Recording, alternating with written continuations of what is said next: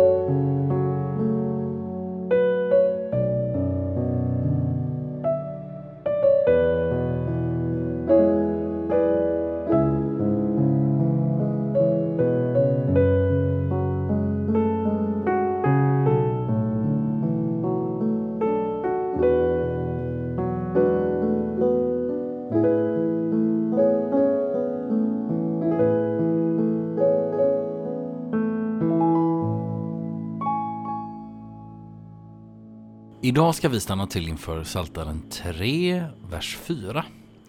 Och därför vill jag börja med att läsa Saltarens tredje psalm i dess helhet. En psalm av David när han flydde för sin son Absalom. Herre, mina fiender är många. Många reser sig mot mig, många säger om mig, han får ingen hjälp av Gud. Men du, Herre, är min sköld och min ära. Du är den som ger mig seger. Jag ropar högt till Herren och han svarar från sitt heliga berg. Jag lade mig ner, jag sov, jag vaknade, Herren stöder mig. Jag fruktar ej för de tiotusen som ansätter mig från alla håll. Herre, grip in, rädda mig min Gud. Du slår mina fiender på käken, du krossar de gudlösas tänder. Hjälpen kommer från Herren. Ge välsignelse åt ditt folk. Och den vers som vi särskilt stannar till inför idag är alltså vers 4. Där det står Men du Herre är min sköld och min ära.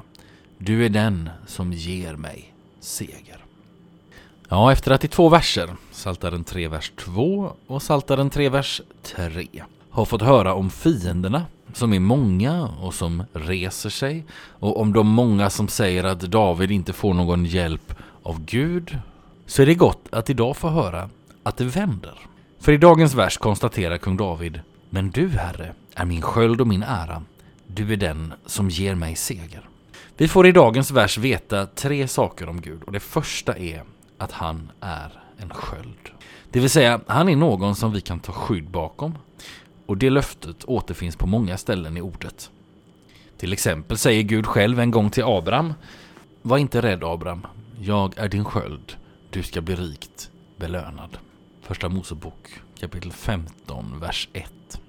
Att Gud är en sköld upprepas också på flera ställen i Saltaren. Till exempel ber David så här i Saltaren 18, vers 3 Herre min klippa, min borg och min räddare. Min Gud, berget, som är min tillflykt, min sköld och mitt starka värn, min fristad. Att Gud är en Gud som beskyddar oss är ett faktum som beskrivs med många ord. Gud är en klippa, en borg, en räddare, ett berg, en tillflykt, en sköld, ett starkt värn och en fristad. På ett annat ställe blir talet om Gud som en sköld till en refräng när läsaren uppmanas Israel förlita dig på Herren, han är er hjälp och er sköld. Arons släkt, förlita dig på Herren, han är er hjälp och er sköld. Ni gudfruktiga, förlita er på Herren, han är er hjälp och er sköld. Saltaren 115, verserna 9 till 11. Att Gud är en sköld förtjänar att upprepas. Det andra som dagens vers slår fast är att Gud kan vara en människas ära. Den människa som likt kung David kallar Gud för sin ära, han har gett Gud den främsta platsen i livet. En sådan människa söker inte längre beröm eller ära eller bekräftelse från andra människor utan sätter först och främst sin ära i att leva utifrån Gud och hans ord. Att göra Gud till sin ära innebär inte att man för den sakens skull alltid blir ärad i den här världen. Tvärtom varnar Jesus sina lärjungar för att de ska bli hatade av alla för hans namns skull. Se till exempel Matteus 10, vers 22, Markus 13, vers 13, Lukas 21, vers 17. Men Jesus har också lovat att om någon tjänar mig ska Fadern ära honom. Johannes 12, vers 26. Det tredje och sista vi får veta om Gud i dagens vers är att han är den som ger oss människor seger. Den som likt kung David kan tala sådana ord om Gud har med största sannolikhet inte fått uppleva fler segrar än andra i den här världens strider.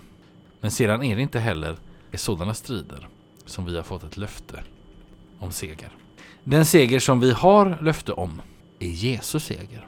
Både hans seger över synd, död och ondska som han vann när han led och dog på korset och uppstod och den seger som han slutgiltigt ska vinna när han kommer tillbaka på den sista dagen. Inför den dagen uppmuntrar Uppenbarelseboken oss med följande ord. Gråt inte. Se, han har segrat, lejonet av Judas stam, skottet från Davids rot. Uppenbarelseboken 5, vers 5. Och Paulus kan utifrån samma seger utbrista Gud vare tack som ger oss segern genom vår Herre Jesus Kristus. Första Korintierbrevet 15, vers 57. Låt oss be. Ja, gode Fader, så tackar jag dig för att du är min sköld. Hjälp mig att alltid söka mitt skydd och min trygghet i dig. Hjälp mig också att göra dig och ditt rike till min ära, till det som jag sätter allra främst. Och tack för den seger som du har vunnit åt mig och åt varje människa som kommer till dig. Amen.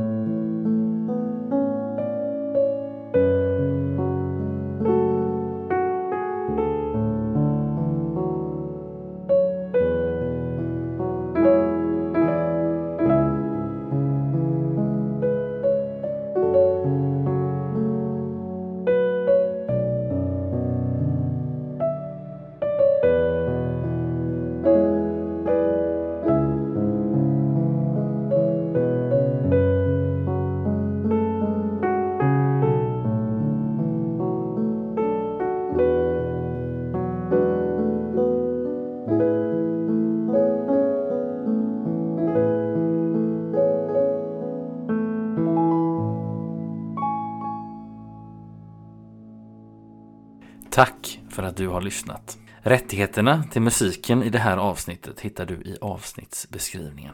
Tills vi hörs igen önskar jag dig allt gott och Guds rika välsignelse. Hej då!